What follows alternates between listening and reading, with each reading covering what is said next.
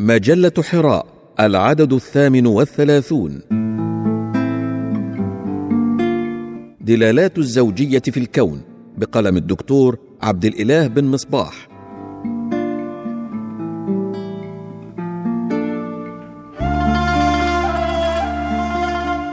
إذا كان مبدأ الزوجية يشكل القانون المؤسس لنظام الكون مصداقا لقول الله تعالى ومن كل شيء خلقنا زوجين سورة الذاريات الآية التاسعة والأربعون.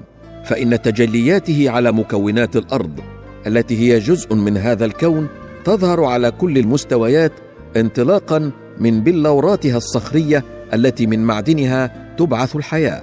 فالحجر الذي هو أصل تكوين الأرض إذا وقفنا على تحليله المعدني من خلال الفحص المجهري لمركباته فسنجده يقوم أساسا على خاصية التبلور كيغيستيليسيزيون وهي صفة تدل على تقابل وجيهات البلوره في زوجية دقيقة التصميم عجيبة التماثل تتجلى من جميع الزوايا عبر محور البلورة أو مركزها.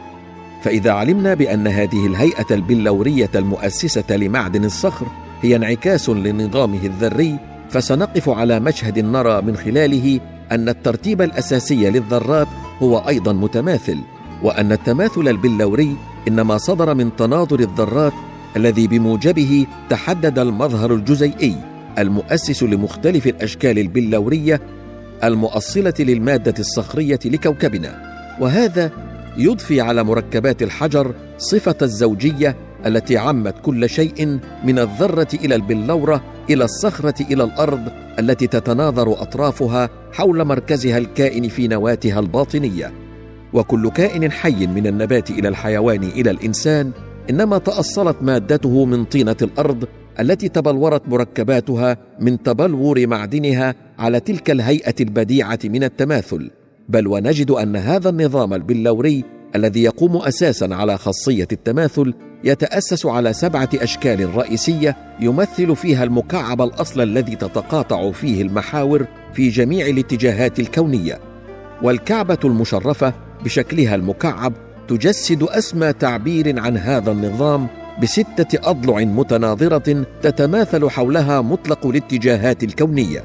وذلك سر من أسرار هذا الكون تحدث به الحجارة التي تمثل بلوراتها مرآة عاكسة لنور المكون في دلالة على تفرد الخالق سبحانه بإفراد الوحدانية وكمال الأحادية له وحده وإضفاء صفة الزوجية على كل ما سواه حتى يشكل الكون مرجعا تجريبيا لتأسيس النماذج التفسيرية الموصلة إلى فهم حقيقة الوجود فكان من أجل ذلك أن ختمت الآية بقوله تعالى لعلكم تذكرون سورة الذاريات الآية التاسعة والأربعون.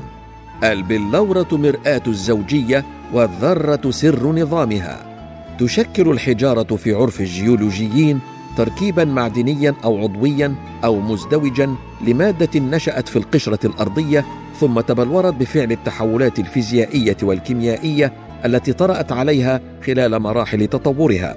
وبما أن تعريف المادة تعرض بعد ظهور نظرية النسبية التي وضعها الفيزيائي الألماني أينشتاين إلى تغير جدلي حيث صار مفهوم المادة مقترنا بالطاقة أي بفاعليتها فإن مادة الحجارة بفعل تغيرها مع الزمان والمكان باتت أكثر دلالة على هذا المعنى بحكم ما تنطوي عليه تفاعلاتها مع المحيط من تجليات لأثر الفاعلية الباطنية التي تسري في كيانها والتي تؤدي في الأخير إلى حصول توازن ديناميكي مع المحيط الحاضن لها بفعل تبادل المادة والطاقة بينهما. فالحجر مهما كان أصله وظروف تكوينه هو متجاوب باستمرار مع متغيرات محيطه ويمكنك أن تلمس هذا التجاوب في الهيئة البلورية التي يكشفها لك تحليله المجهري. تلك الهيئة التي تتألق أشكالها وتتلألأ أنوارها وفقا للتشكيلات المعدنية المنبثقة من تفاعلات الحجر مع النسق الكيميائية الناشئة في الوسط الذي يتبلور فيه بحيث إذا أخضعت هذا الحجر للفحص المجهري وظهرت لك معالم هذه الهيئة البلورية في الأشكال العجيبة والألوان الزاهية التي تختلف باختلاف تركيباته المعدنية المتبلورة مع متغيرات محيطه. اتضح لك أن النور الذي تتلألأ به البلورة إنما هو انعكاس لسر يخفيه نظامها الذري الذي من تشكيلته الكيميائية انبثقت تركيبتها المعدنية. فإن أنت صبرت أغوار هذا النظام الذي تالفت ذراته في جزيئات النسق البلوري المنسجم مع قرار الحجارة تحدثت إليك مكوناته بنور مكونها فتنبهت إلى معنى قوله عز وجل الله نور السماوات والأرض سورة النور الآية الخامسة والثلاثون. وتحيرت في إدراك معنى قوله سبحانه مثل نوره كمشكاة فيها مصباح المصباح في زجاجة الزجاجة كأنها كوكب دري يوقد من شجرة مباركة زيتونة لا شرقية ولا غربية يكاد زيتها يضيء ولو لم تمسسه نار. سورة النور الآية الخامسة والثلاثون. بما يحيه إليك الوصف القرآني من معان إعجازية بخصوص المغزى من ذكر الزيت الذي يضيء ولم تمسسه نار وما دلالة ذلك على أثر الفاعلية الخفية التي أودعها الله تعالى في كيان هذه المكونات التي منها يسري النور الذي به يتلألأ الكون دون أن تمد بطاقة خارجية. فهذا التشبيه إذن هو دلالة على أن مصدر النور الذي يضيء باللورة الوجود إنما هو من سر فاعلية خفية بثها الله سبحانه في كل موجود.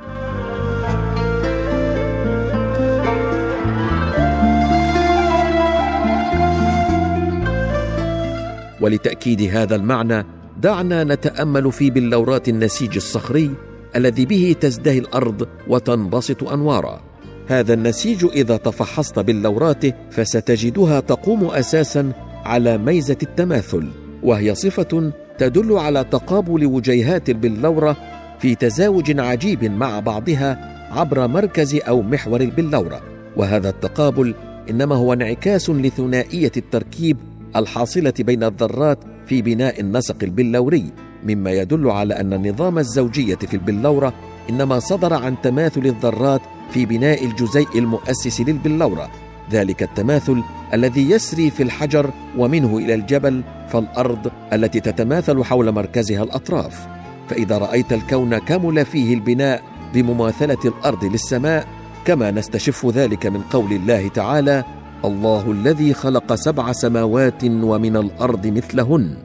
سورة الطلاق الآية الثانية عشر. وهي إشارة إلى تقابل كتلتي الأرض والسماوات. فاعلم أن ذلك من وحي الله إلى الكون بحكم قوله عز وجل وأوحى في كل سماء أمرا وزينا السماء الدنيا بمصابيح. سورة فصلت الآية الثانية عشر. وإذا رأيت الأرض فرشت حجارة أساسها البلورة التي هي سر الزوجية فيها فاعلم أن ما تحدث به أسرارها هو من وحي الله إليها القائل في حقها يومئذ تحدث أخبارها بأن ربك أوحى لها. سورة الزلزلة الآية الخامسة.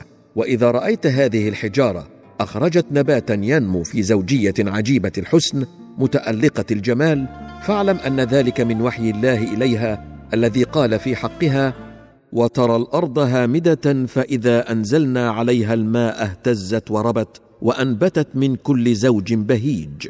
سورة الحج الآية الخامسة. وإذا رأيت النحلة تمتص رحيق هذا النبات فتبني خليتها على أساس من التماثل الازدواجي يذكر بذاك الذي تتألق به هيئة البلورة فاعلم أن ذلك مما أوحى إليها ربها القائل في حقها وأوحى ربك إلى النحل سورة النحل الآية الثامنة والستون مما يدل على أن هذه الزوجية المتجلية في كل شيء إنما هي صفة بثها الله بوحي منه سبحانه في كيان كل مخلوق حتى تشهد المخلوقات بإفراد الوحدانية للخالق. فكان من أجل ذلك أن جعلت الكعبة مهبط الوحي في وسط من الأرض تتماثل حوله الأقطار لتكون رمزا لهذه الزوجية في المكانة والمكان.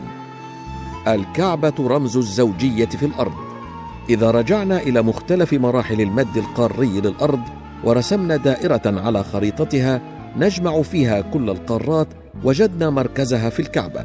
كما أننا إذا عالجنا هذا المعطى من شكلها المكعب فسنجده دالا على نفس المعنى. فنحن نعرف أن المكعب هو أصل النظام البلوري المكون لكل مادة صلبة على وجه الأرض لأن فيه تتساوى كل المحاور المتقاطعة في جميع الاتجاهات الكونية الشيء الذي يخول للمكعب صفة الكمال في التماثل perfect symmetry والكعبة بشكلها المكعب تجسد هذا المعطى بستة أضلع متماثلة كل ضلع متجه إلى جهة معينة من جهات الكون الأول إلى السماء والآخر المقابل له إلى الأرض والأربعة الباقية يتقابل فيها الشمال الشرقي مع الجنوب الغربي والشمال الغربي مع الجنوب الشرقي بينما تتجه الأركان العمودية التي فيها تتقاطع خطوط هذه الأضلع نحو الاتجاهات الجغرافية الأربعة الأصلية للأرض. مشكلة من الكعبة نقطة تحديد لمطلق الاتجاهات الكونية. وتلك ذروة الكمال في الزوجية يعبر عنها التماثل القائم في الكعبة بين أضلعها وكذلك بين أركانها. إذ ليس هناك بعد في الكون إلا وتوجهت إليه فكانت من أجل ذلك هدى للعالمين كما وصفها الله عز وجل في قوله إن أول بيت وضع للناس للذي ببكة مباركا وهدى للعالمين. سورة آل عمران الآية السادسة والتسعون.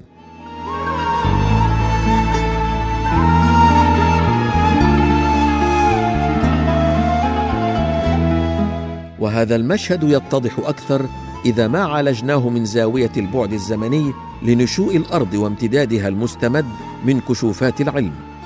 تلك الكشوفات التي جاءت نتائجها موافقة لنصوص الوحي. فقد جاء في النهاية في غريب الأثر قول رسول الله صلى الله عليه وسلم كانت الكعبة خشعة على الماء فدحيت منها الأرض. هذا الحديث إذا تلمسنا فهمه من خلال المعطيات الجيولوجية الحديثة فسنجده دالا بالحس والمعنى على أن الكعبة تبقى النقطة الأولى المرشحة لبزوغ اليابسة ثم امتدادها في أرجاء البحر الكاسح عند بدء التكوين. خاصة وأن الخشعة كما جاء في نفس المصدر تعني أكمة لاطئة بالأرض والجمع خشع وقيل هو ما غلبت عليه السهولة أي ليس بحجر ولا طين.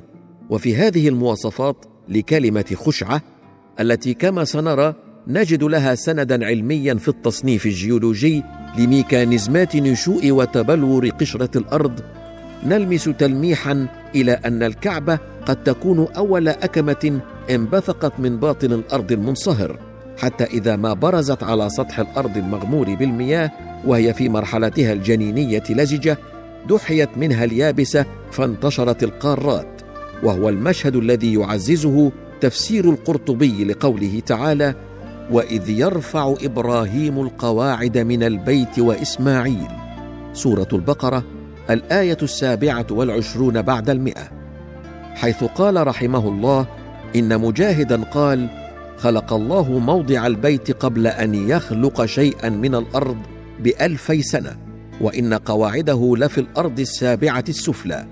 ذلك التفسير الذي يتصل بما سبق أن قلناه حول انبثاق الكعبة كأول أكمة من باطن الأرض المنصهر على سطحها المغمور بالمياه عند بدء التكوين. مما جعل أرض مكة تسمى في كتاب الله بأم القرى أي الأصل الذي تفرعت منه كل البراري على سطح الأرض.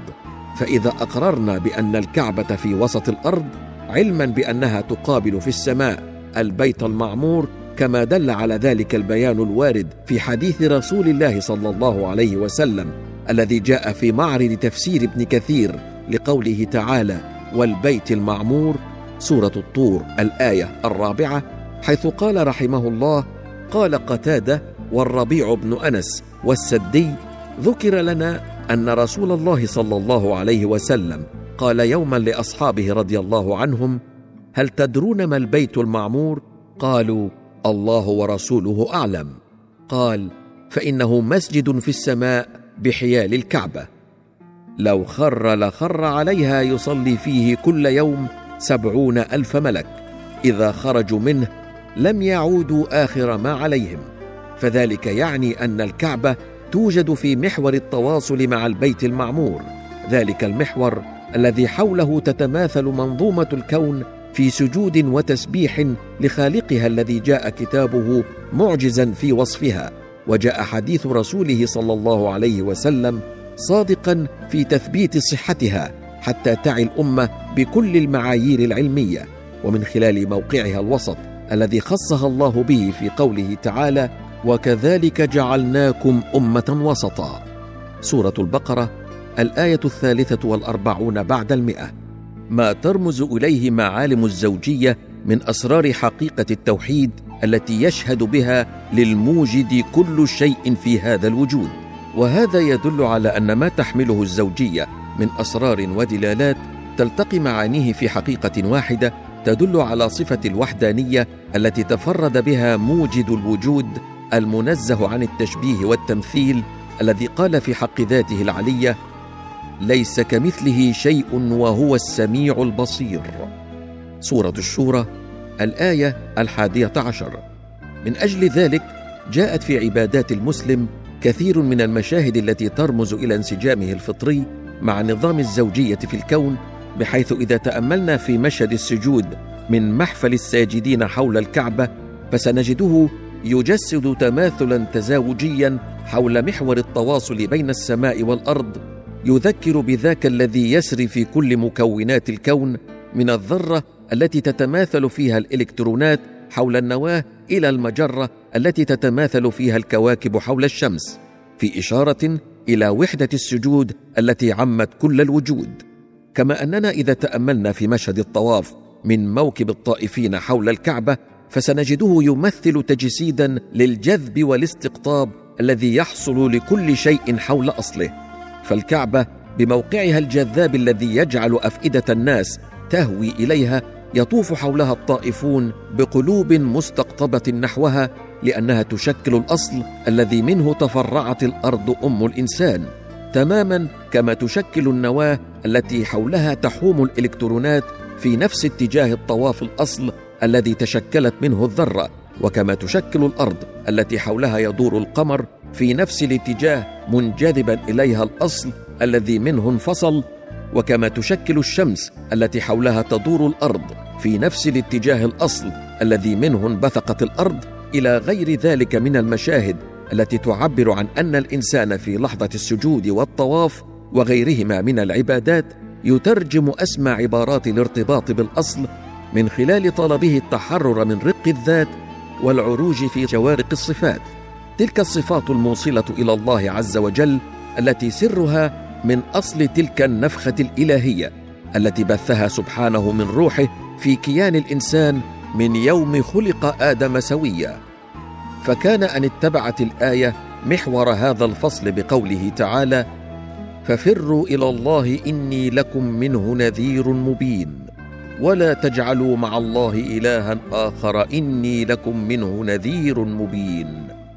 سورة الذاريات من الآية الخمسين إلى الواحدة والخمسين في تلميح إلى أنه سبحانه الواحد الأحد الذي لا مفر منه ولا منجى ولا ملجأ إلا إليه إذ لا ند له ولا مثيل ولا نظير يمكن أن ينشل العبد من أوحال نفسه وذلك ما ترمز إليه دلالات الزوجية في هذا الكون.